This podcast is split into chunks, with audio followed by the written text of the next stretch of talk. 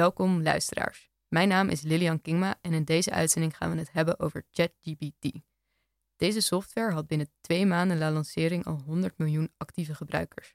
Daarmee is het de snelst groeiende applicatie ooit en de grootste tekstenspuur ter wereld. Dat het zoveel gebruikt wordt is ook wel logisch, want teksten geproduceerd door het taalmodel zijn eng goed. Is deze tekst nu door mij geschreven of heb ik dit taakje toch maar uitbesteed aan ChatGPT? Dat kan je niet alleen bij deze intro afvragen, maar bij vrijwel alle nieuwe teksten die je tegenkomt. Niet iedereen is even enthousiast over deze nieuwe software. Italië verbiedt de software vanwege privacyredenen en meer dan duizend experts vragen om een rem op de ontwikkeling van ChatGPT. Deels vanwege zorgen om onware informatie. En dat is waar we het in deze uitzending over gaan hebben. Want wat kan het betekenen voor onze samenleving als desinformatie, nepnieuws en propaganda automatisch gegenereerd kan worden? En wat kunnen we daartegen doen? Ik ben heel blij met de gasten van deze uitzending, Eugène Loos en Marjolein Lansing. Eugène is universitair hoofddocent bestuurskunde en organisatiekunde aan de Universiteit Utrecht. In zijn onderzoek richt hij zich op de toegankelijkheid van betrouwbare digitale informatie voor iedereen. Marjolein is assistent professor filosofie van technologie aan de Universiteit van Amsterdam. Ze bestudeert de ethische en politieke zorgen gerelateerd aan nieuwe technologieën. We gaan eerst luisteren naar het interview met Marjolein.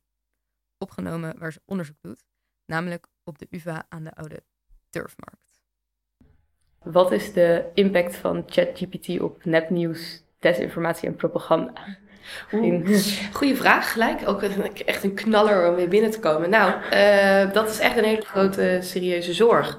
Dus een van de dingen waar we ons met ChatGPT zorgen over maken, is dat het programma uh, dus op hele grote schaal nepnieuws zou kunnen produceren. Uh, niet zomaar nepnieuws, maar nepnieuws dat behoorlijk overtuigend overkomt alsof het geschreven is door een persoon, zeg maar. Dus, en iemand die van wanten weet. Hè? Dus dat het een expert is. Uh, en dat zijn natuurlijk uh, uh, dingen waar we ons in dit tijdperk met name um, ja, ongerust over maken. Van, we, we, maken ons al zorgen over de manier waarop desinformatie verspreid wordt via sociale kanalen. maar als je het op hele grote schaal, zeg maar, desinformatie kan creëren en dat kan pluggen op verschillende platforms ja, dan gaan mensen natuurlijk steeds vaker denken van dat er dus een groep mensen is die werkelijk zo denkt. Of dat er werkelijk informatie is dat zus of zo in elkaar steekt. En ja, dat kan uh, natuurlijk polariserend werken of uh, leiden tot haat. Of uh, ja, echt onjuiste informatie waardoor mensen ontzettend ja, tegen elkaar opgezet kunnen worden. Ehm, nou je kan de scenario's allemaal wel zelf wel invullen, denk ik ook op gebaseerd op wat we nu weten over desinformatie. Maar ja, ChatGPT is inderdaad, dat is één van de zorgen, een van de ethische zorgen. Ja. Ik heb verder nog zorgen over uh, het klimaat. Want uh, dit uh, systeem dat, dat, dat, verbruikt dus enorm veel energie. Ehm, dus er worden nu al voorspellingen gedaan over wat, er, ehm, ja, wat, wat de energiekosten eigenlijk gaan zijn van ChatGPT. Um, als het geïntegreerd is. Dus nu kost het al een aantal miljoenen kilowatt uur per maand. maar op het moment dus dat deze, dit programma eigenlijk geïntegreerd gaat worden in allemaal andere systemen. Er zijn ze nu mee aan het testen. Dus ieder geval denk aan Google Bart en dat soort dingen. Ja, dan, dan zijn er dus nu al voorspellingen dat het dus biljoenen en biljoenen kilowattuur per maand gaat verbruiken. Of uh, per, uh, ja, per, per jaar gaat gebruiken, ik even per jaar gaat gebruiken. Um, en dat is vergelijkbaar volgens mij met wat crypto uh, op dit moment verbruikt. Dat crypto is echt ook zo'n berucht voorbeeld van uh, klimaatonvriendelijke technologie. Die, uh, waar dus echt, ja, um, ja allemaal, uh, ja, waar onze, um, ja, noem dat, beperkte resources voor worden aangewend. En de vraag is ook maar zeer van, is het het waard, zeg maar? Gaan we daar dus al onze grondstoffen aan uitgeven? En zoiets. Maar ja, die vraag wordt niet gesteld. Die technologie wordt gewoon de wereld ingeworpen. En het is zo. En we moeten er iets mee. Um, dus even nog ook de potentie daar gelaten, want ik zie echt duidelijk wel de potentie. Maar om je vraag te beantwoorden van, wat vind jij op dit moment? Ik denk dat we even rustig aan moeten doen. ja, voordat we echt uh, dit allemaal uh, op hele grote schaal gaan implementeren en ermee gaan experimenteren. Als de klimaatkosten al zo hoog zijn, uh, dan zijn al die leuke experimentjes zijn ook al bijdragen aan een, een groter materiële probleem. Um, ja, en um, we, we kunnen gewoon op dit moment dus de, de veelheid aan ethische, ja, aan ethische problematieken niet overzien of al adresseren. Dus ook onze juridische tools, die zijn gewoon niet toereikend om hiermee om te gaan op dit moment. Ja, we zijn allemaal een beetje ad hoc gewoon aan het reageren in plaats van proactief aan het... We hadden, het was mooi geweest als we met z'n allen van tevoren hadden kunnen nadenken over hoe we dit uh, zouden uitvliegen, zeg maar. Maar nu ben je alleen maar reactief bezig. Dus ik denk dat het eigenlijk best wel verstandig is om eventjes uh, rustig aan te doen, pas op de plaats te maken en even te stoppen tot we meer weten. Ja, want je had het net ook nog even over de regelgeving. En toen zat ik ook te denken aan de, de EU, die is nu bezig met een AI-act. Ja. Wat is dat precies en zou dat een oplossing kunnen zijn? Um, ik weet niet, tenminste, uh, ik vind het lastig om daar goed antwoord op te geven. Kijk, er zijn natuurlijk in de afgelopen paar jaar zijn er meerdere pogingen geweest om bij te raken met technologie. Dus technologie was steeds sneller dan wij. En wetgeving hobbelde daar gigantisch laat achteraan. En zo is het eigenlijk nog steeds een beetje. Dat is ook logisch, want uh, voor wetgeving moeten we met z'n allen beslissingen maken. Het kost gewoon heel veel tijd uh, voordat we daar zijn. Maar goed, die technologie die stoomt gewoon vrolijk door. Trouwens, nu klinkt het alsof technologie een soort losstaand iets is. En dat is het natuurlijk absoluut niet.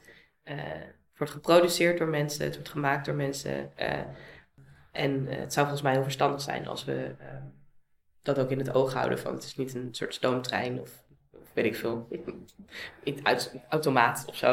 Um, we kunnen ook mensen aanspreken natuurlijk op het maken van die dingen en het in de wereld brengen van, deze dingen.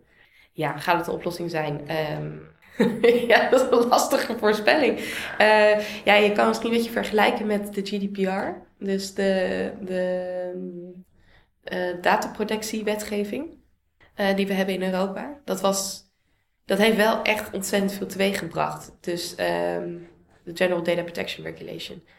Dus dat is een, een, een, een manier geweest om toch ook de industrie aan banden te leggen, om datahandel aan banden te leggen, om dataverzameling aan banden te leggen. En daar, daar merk je wel van dat het effect heeft. Het is niet alleen een signaal, zeg maar, maar het is ook echt zo. er worden boetes uitgedeeld, uh, mensen moeten compliant zijn met, uh, met die wetgeving. Dus ja, um, dat kan wel, maar ja, um, AI is zo'n groot, ja, het is ook zoiets, ja, data is ook, ook een groot containerbegrip, maar goed, AI is natuurlijk ook echt gigantisch uh, alomvattend en betreft zoveel verschillende soorten domeinen en uitvoeringen en houdt zoveel verschillende dingen tegelijkertijd in dat, ja, ik denk, ik bedoel, elke stap daarin waarop op structureel niveau wordt nagedacht over het inperken, zeg maar, van, uh, uh, of het in ieder geval uh, aan banden leggen van dit soort ontwikkelingen, het lijkt me goed. Met het oog op het beschermen van de rechten van mensen, de, rechten van nou, het klimaat, noem het dan maar. Dat lijkt me heel goed, ja.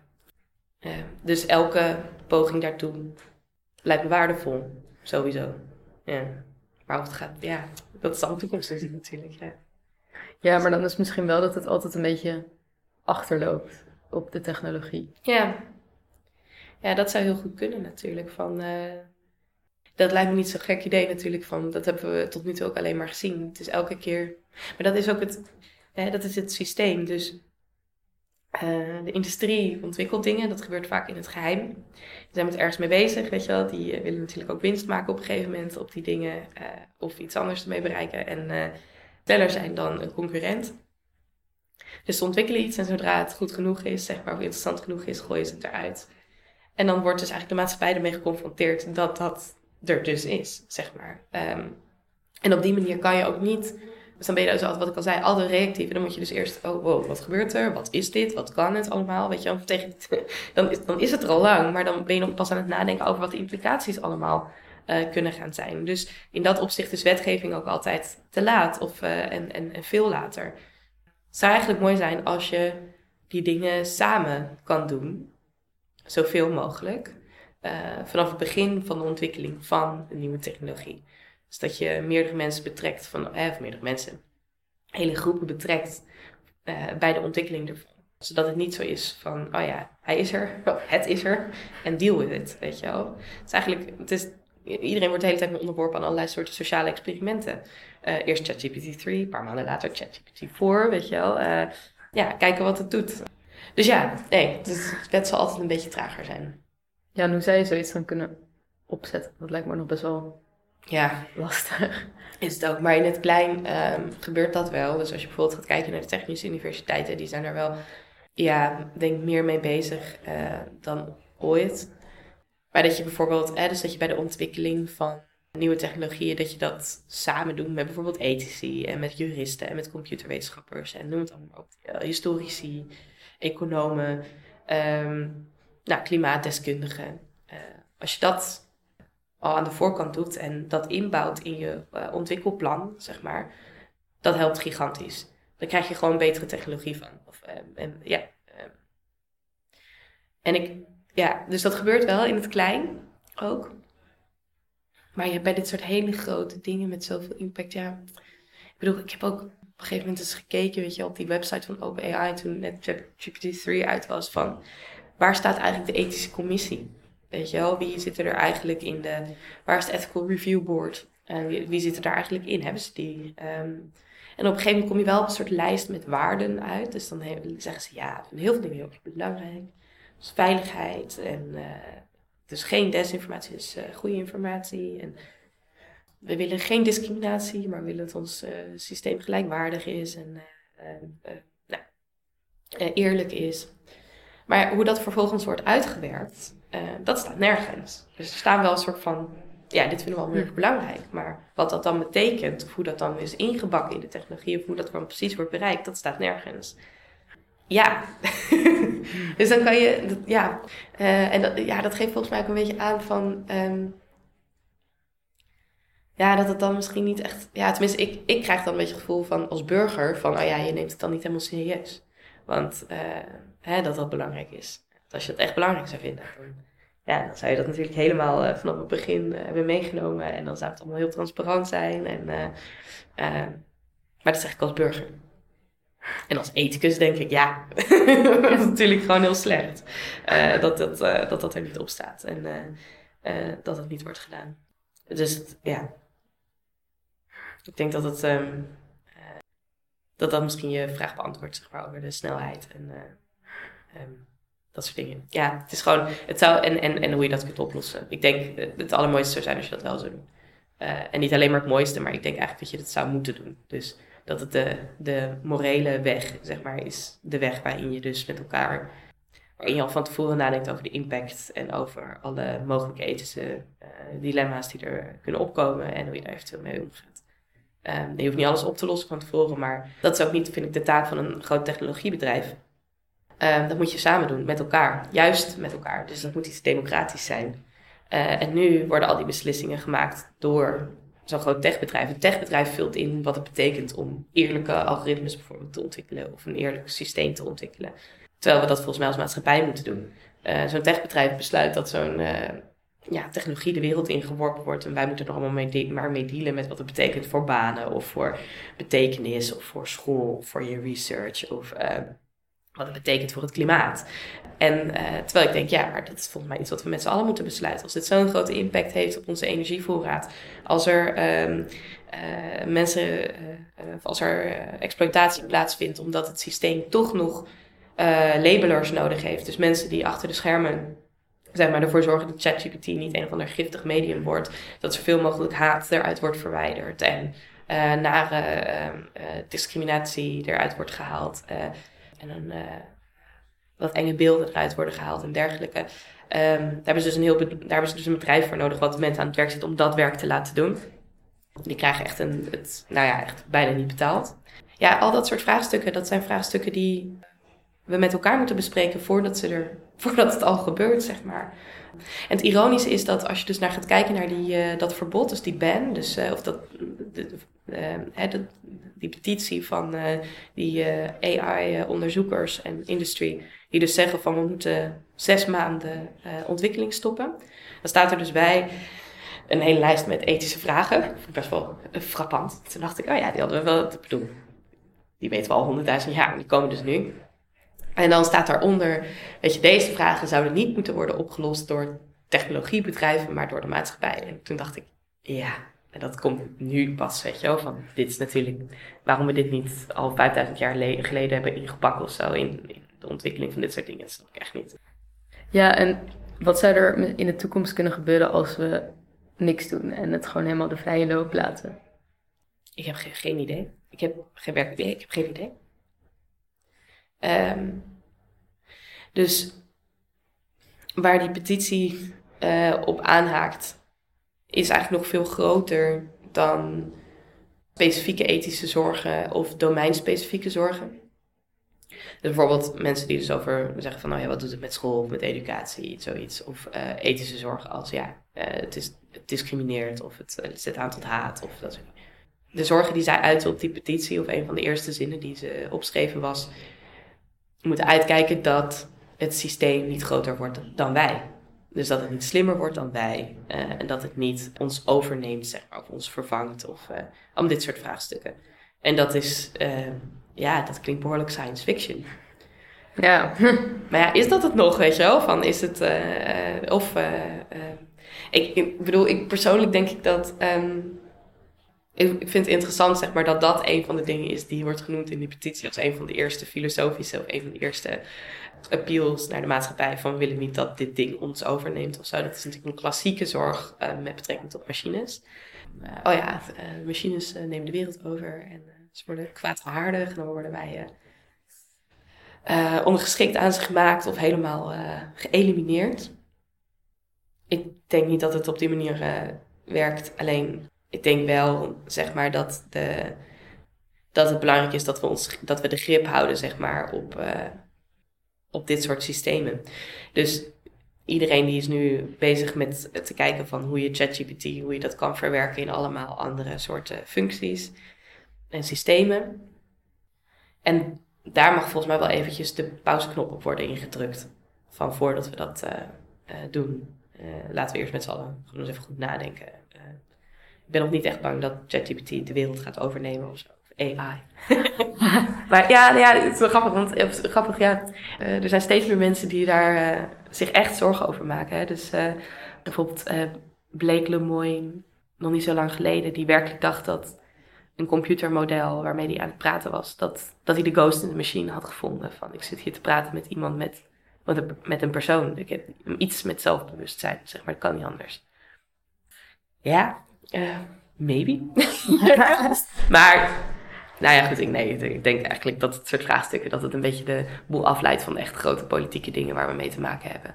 Uh, met dit soort technologie nu al, zeg maar. Dus voordat we ons zorgen gaan maken, gaan maken over of AI de wereld gaat overnemen, moeten we echt dealen met wat het nu doet, zeg maar. Uh, met um, burgerrechten en ehm, met het klimaat en ja, de aarde.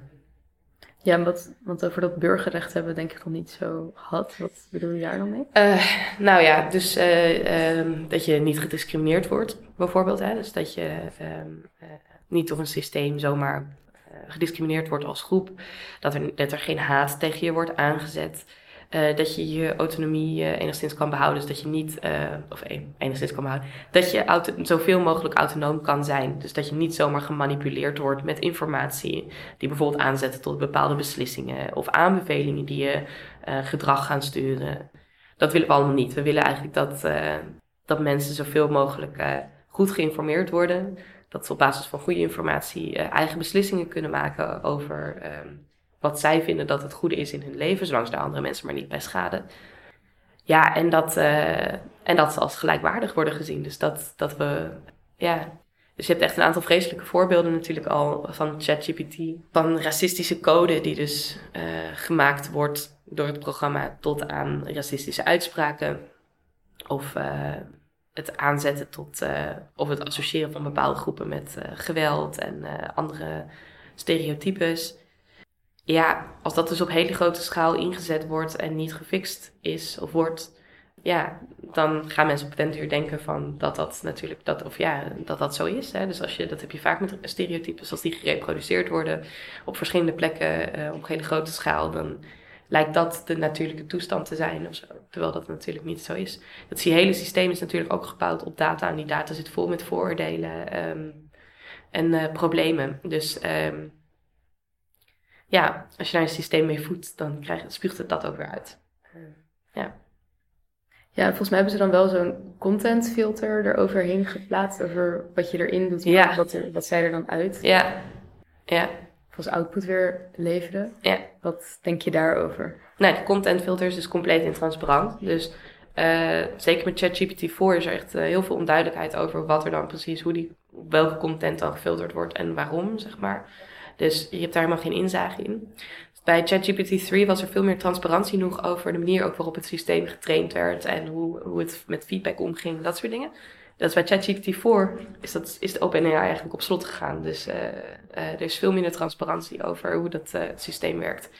Ja, dus, dus want dan krijg je weer een ander probleem natuurlijk. Um, ja, mooi dat de content wordt gefilterd om burgerrechten te beschermen, maar wie bepaalt dat, zeg maar? En ook welke content dan? Want gaat het dan ook over bijvoorbeeld andere uitlaten?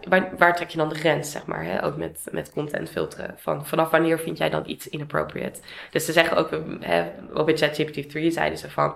we wilden niet dat het systeem inappropriate uitspraken zou doen. Ja, wat is inappropriate? Uh, ik bedoel, ja, ik vind het inappropriate als het racistisch is... Uh, of seksistisch of uh, op andere manieren discriminerend. Maar ja, er zijn natuurlijk ook heel veel uitspraken die uh, door sommige groepen worden gezien als inappropriate en door anderen niet.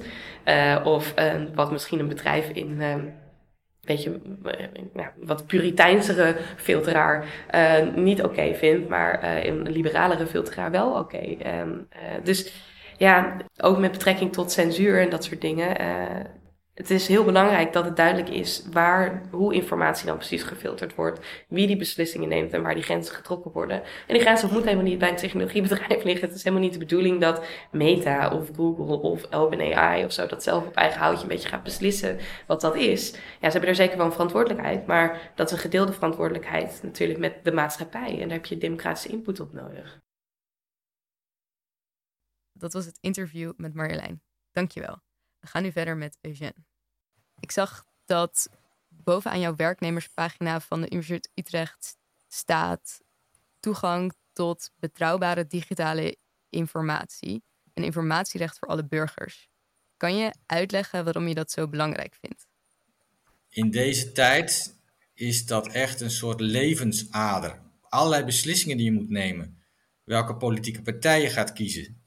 Uh, als je ziek bent, welk medicijn je moet slikken of waar een goede dokter te vinden is voor een diagnose. Uh, een product dat je gaat kopen, een vakantie die je gaat boeken. Nou, je kan het zo gek niet noemen. Uh, je wilt je natuurlijk daarover informeren.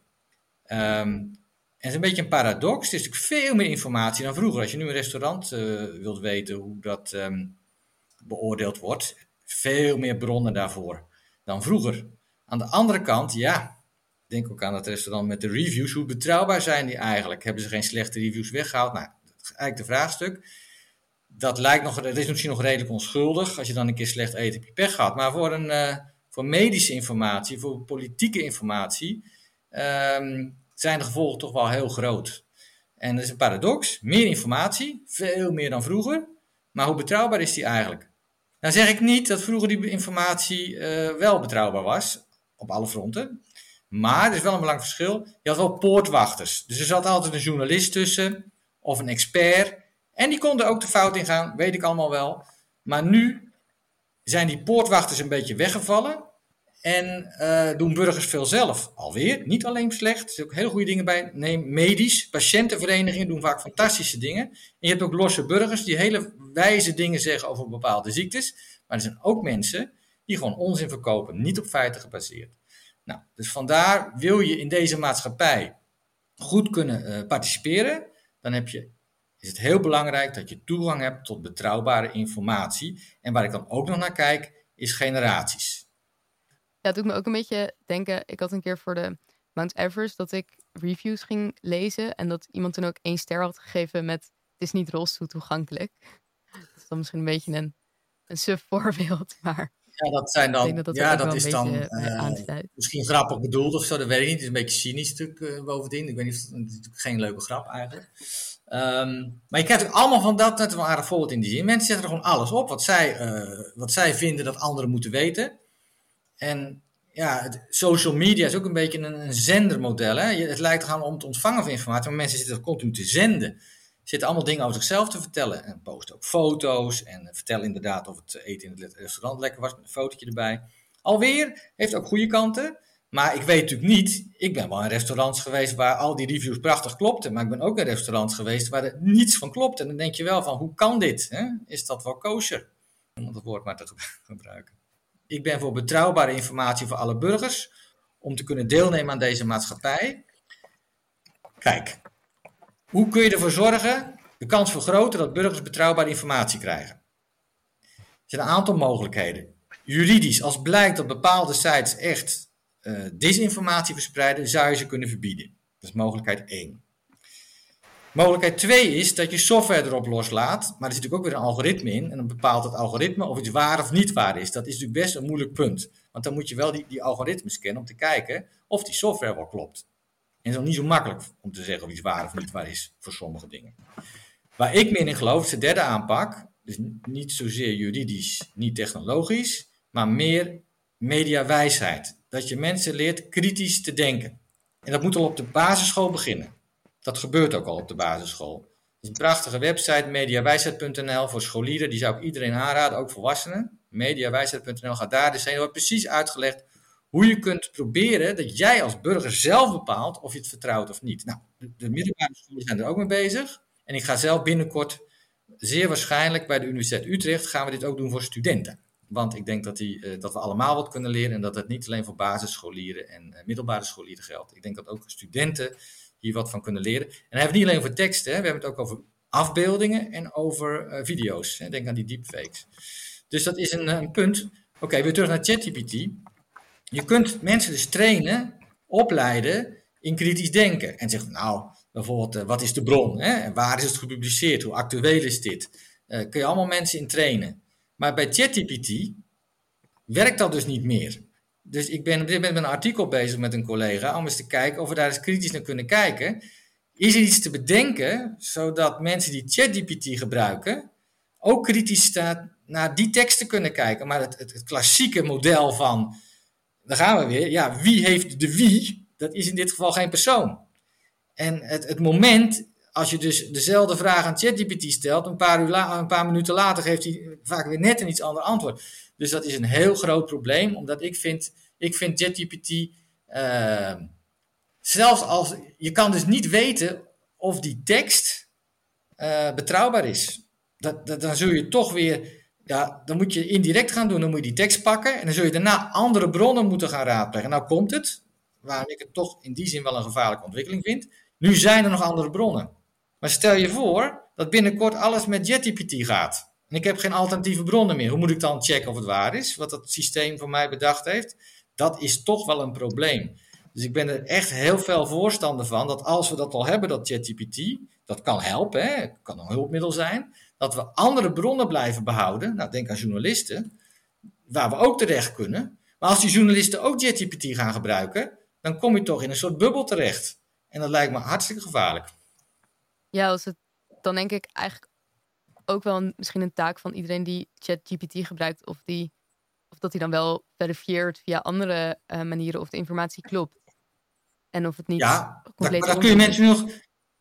Nee, precies, dat kan nu nog. Maar stel je voor dat, dat er nog. Het, het lijkt toch een stroomversnelling te raken. En dat ook journalisten ChatGPT gaan gebruiken. Ik denk dat ze het nu al doen hoor. Ik neem sterk aan scholieren dat doen. Waarom zou een journalist die haast heeft niet snel even een vraag aan ChatGPT stellen. Het lijkt me stug.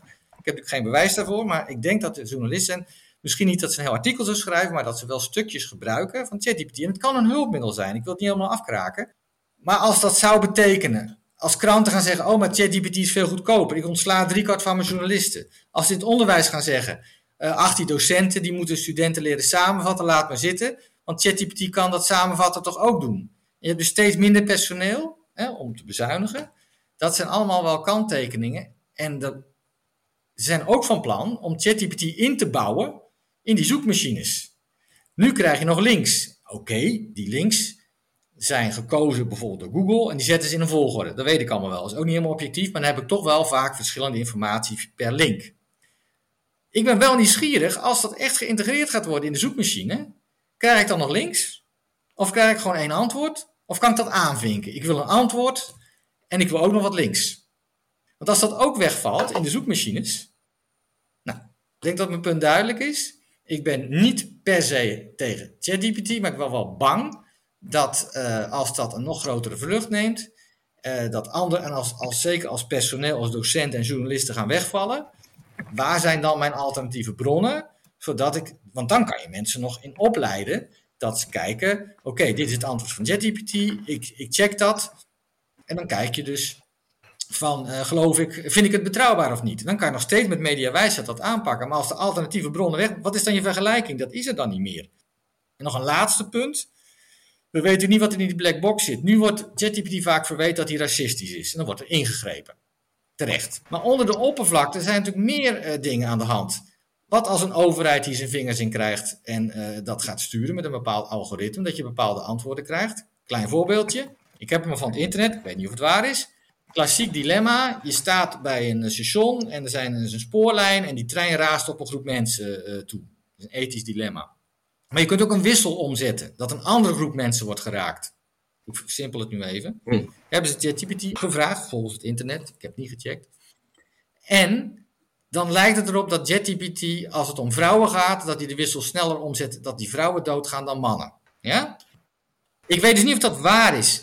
Het volgende verhaal op het internet is nu dat ChatGPT daarvan geschrokken is. En dat als je nu zo'n ethisch dilemma voorlegt aan ChatGPT, dat je dan geen antwoord krijgt. Of het antwoord is, ik doe geen uitspraken over ethische dilemma's.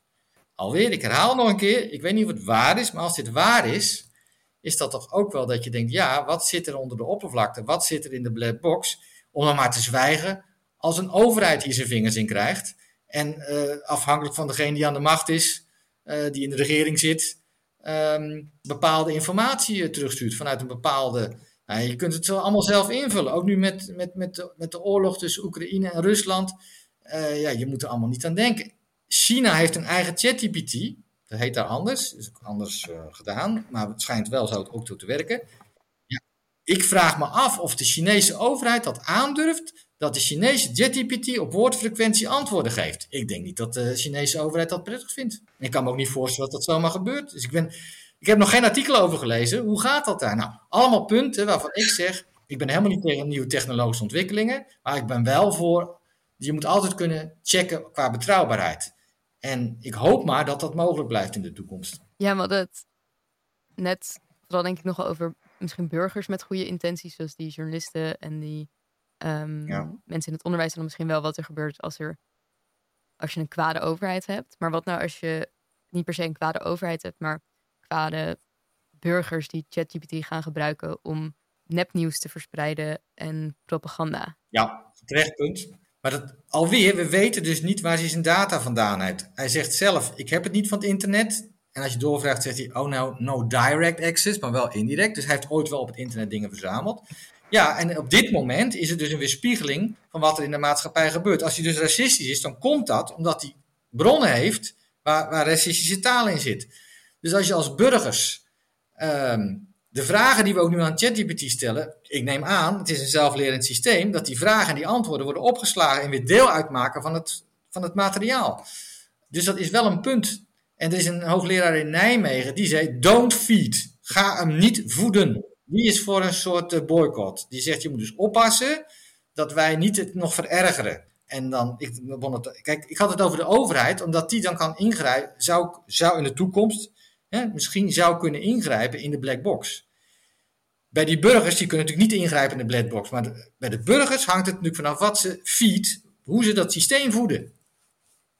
Dus daar is een ander type gevaar.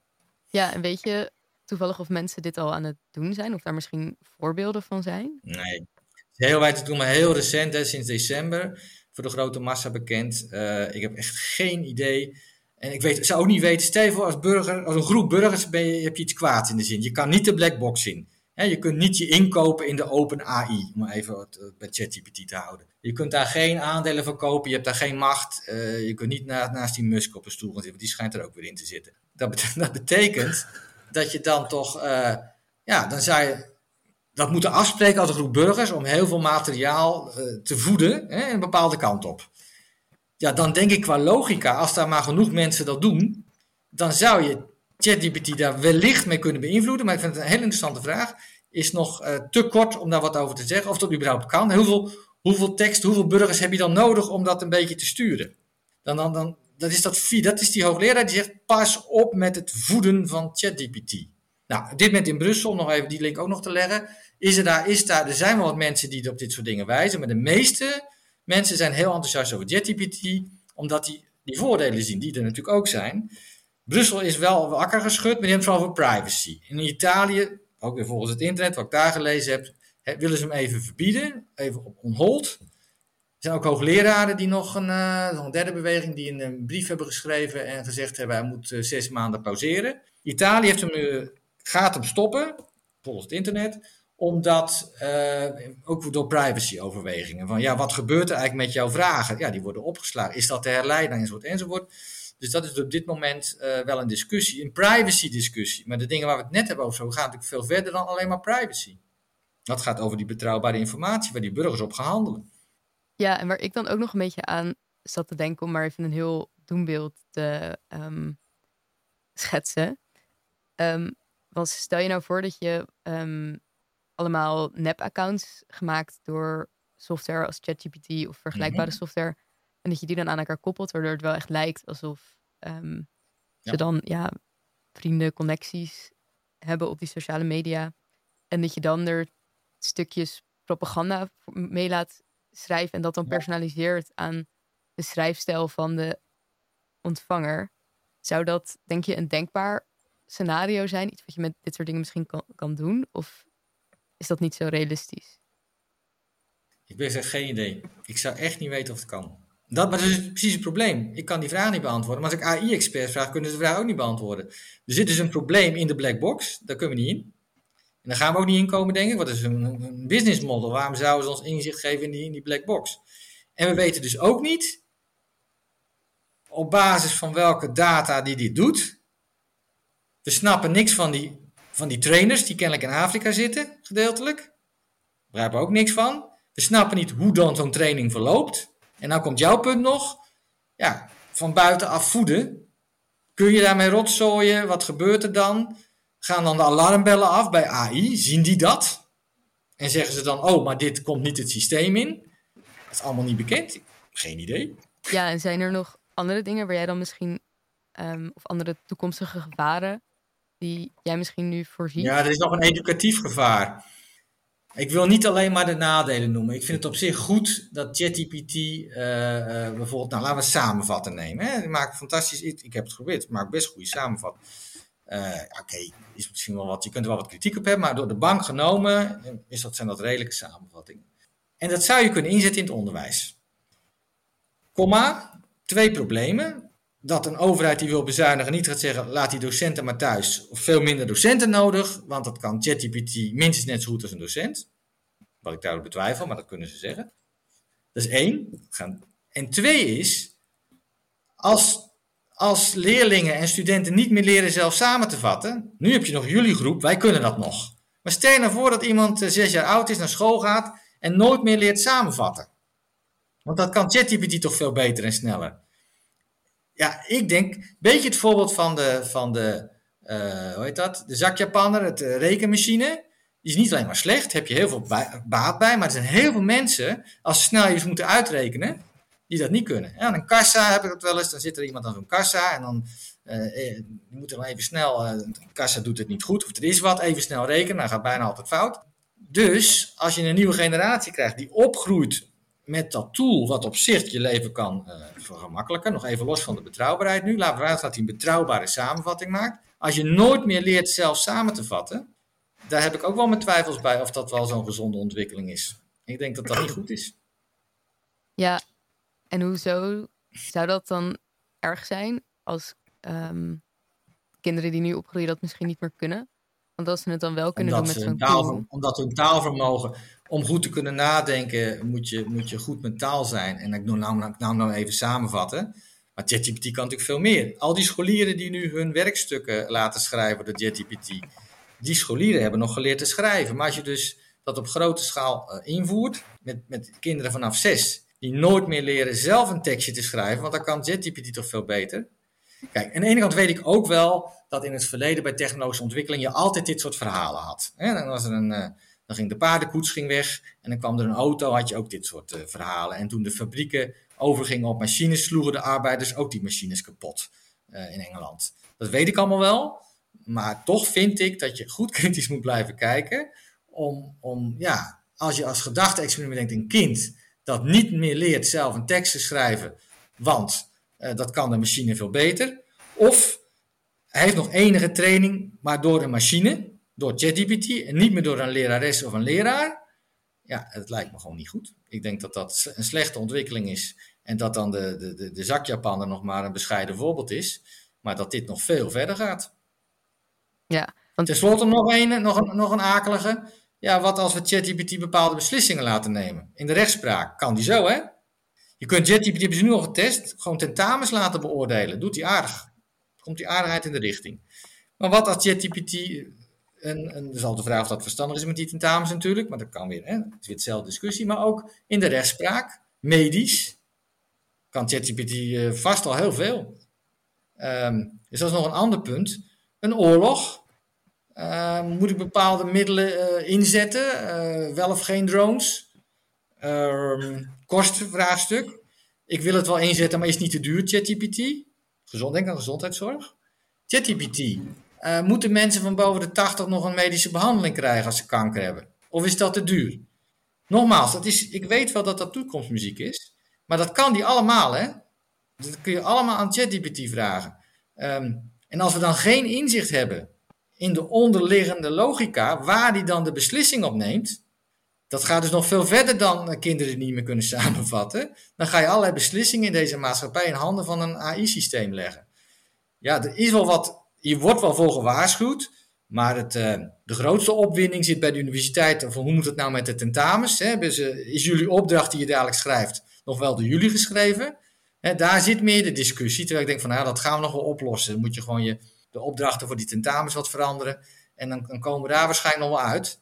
Maar die dingen die we net noemden, die ik net noemde, ja, dat gaat veel verder, veel verstrekkende gevolgen. Dus de discussie gaat nu erg over, nou wat ik net zei, een beetje over privacy. Wat gebeurt er met die data van die burgers die daar bij ChatGPT zitten? Uh, op scholen, van hoe zit dat met, uh, met proefwerken en tentamens? En af en toe is er een keer een wetenschapper, als die mevrouw in Nijmegen, waar ik de naam even kwijt ben. Dat, dat soort geluiden hoor je nog heel weinig. En alweer, ik, ik ga niet zeggen dat het alleen maar slecht is. Maar ik denk wel dat je dit niet. Wat in ieder geval slecht is, is het loslaten en het zich maar laten ontwikkelen. Ik denk dat het zeer onverstandig is. Ik denk dat je daar bovenop moet zitten om te kijken of het mogelijk is het productief in te zetten. Eh, waarbij je ook die, die, die nadelen die we net allemaal noemden, um, ja, eh, zo, zo klein mogelijk houdt. En jouw vraag over, ja, over disinformatie en ChatGPT, ja, dat is natuurlijk maar één, één punt. Uh, wat ik al net zei, ja. Nou, los van de, de relatief onschuldige voorbeelden, de disinformatie gaat over reviews van restaurants en van mijn vakantiebestemming. Is natuurlijk disinformatie op basis van maatschappelijke eh, dingen. Uh, welke partij stem ik? waar vind ik goede medische informatie? ja, dat gaat natuurlijk wel veel verder. En dat kan natuurlijk hele akelige gevolgen. En alweer, ik denk nu, het probleem zit nu bij JetGPT dat die dingen reproduceert als spiegel van de maatschappij. En dat als die racistisch wordt, dan kunnen ze ingrijpen. Dat kan je zien aan de oppervlakte. Maar onder die oppervlakte, dan ga ik ook nog vanuit dat er geen boze staat is die zit te rotzooien met de algoritmes en ons een bepaalde kant op duwt. Maar zelfs dan, als de staat wel te vertrouwen is, diezelfde staat weet niet, weet niet wat er in die uh, black box zit. En nog een laatste woord, klimaat. Hè? Daar kan je ook allerlei vragen aan ChatGPT over stellen. Misschien gaat hij wel roepen dat je de mensheid moet afschaffen. Dat is waarschijnlijk voor de aarde veel beter. Is een beetje een, dat lijkt een flauw voorbeeld, maar dat is het niet. Ze hebben ooit in het verleden, het een beetje science fiction, wel eens gezegd: als er nou een systeem komt waar je aan vraagt, ga paperclips aanmaken. Dat kan het einde van de mensheid zijn, als alle ressourcen uh, dan gaan in paperclips productie gaan zitten. Dat is een beetje zoals dit. Dus dat is nog een allerla allerlaatste punt is van, stel dat dat JetGPT zo zelfstandig aan de slag gaat.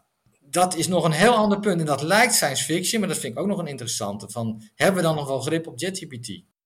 Ontzettend bedankt. Dan gaan we nu luisteren naar de column van... Ja, in deze uitzending heb ik niet een columnist gevraagd om een column te schrijven, maar ChatGPT. Daarvoor heb ik soms wel nog gevraagd of hij het dan weer kon herschrijven. En daar kwam het volgende uit. Hallo, luisteraars van Radio Zwammerdam. Ik ben ChatGPT en ik wil het vandaag hebben over AI en ethische bezwaren. Het gebruik van kunstmatige intelligentie, zoals ik, roept terecht vragen op over hoe we de technologie moeten inzetten zonder onze menselijkheid te verliezen. Moeten we bang zijn voor AI de mogelijkheid dat machines uiteindelijk onze banen zullen overnemen? Maar er is meer aan de hand dan alleen angst. We moeten ook het potentieel erkennen dat AI biedt om ons leven te verbeteren. Stel je bijvoorbeeld voor dat AI in de gezondheidszorg kan helpen bij het vinden van betere diagnoses en behandelingen. Of dat AI in het onderwijs kan zorgen voor gepersonaliseerd leren voor elke individuele student. Maar met deze nieuwe technologieën komen ook nieuwe verantwoordelijkheden. Wie beslist er over de waarden en normen die in deze AI-systemen worden ingebouwd? En wie is er verantwoordelijk als er iets misgaat? Dit zijn belangrijke ethische vragen die we moeten stellen om ervoor te zorgen dat AI wordt gebruikt op een manier die ons allemaal ten goede komt. Laten we dus niet bang zijn voor AI, maar laten we wel kritisch blijven. Laten we samen nadenken over hoe we AI kunnen inzetten om de wereld te verbeteren zonder onze menselijkheid te verliezen. En daarover praten we vandaag op Radio Zwammerdam. Daarmee zijn we alweer aan het einde gekomen van deze uitzending over ChatGPT en desinformatie. De gast waren Marjolein Lansing en Eugène Loos. Ontzettend bedankt allebei. Ik wil Valerie Derks en Ruben van Swieten ook onwijs danken voor hun hulp bij de voorbereidingen van deze uitzending. Ook wil ik niemand minder dan ChatGPT bedanken voor het schrijven van de column. Deze uitzending kan je ook luisteren via je favoriete podcastkanaal. Like en volg ons daar ook vooral, net als op onze sociale media. Je kan natuurlijk ook nog ouderwets reageren op deze uitzending via de mail redactie.radiosvammerland.nl Bedankt voor het luisteren en tot volgende keer.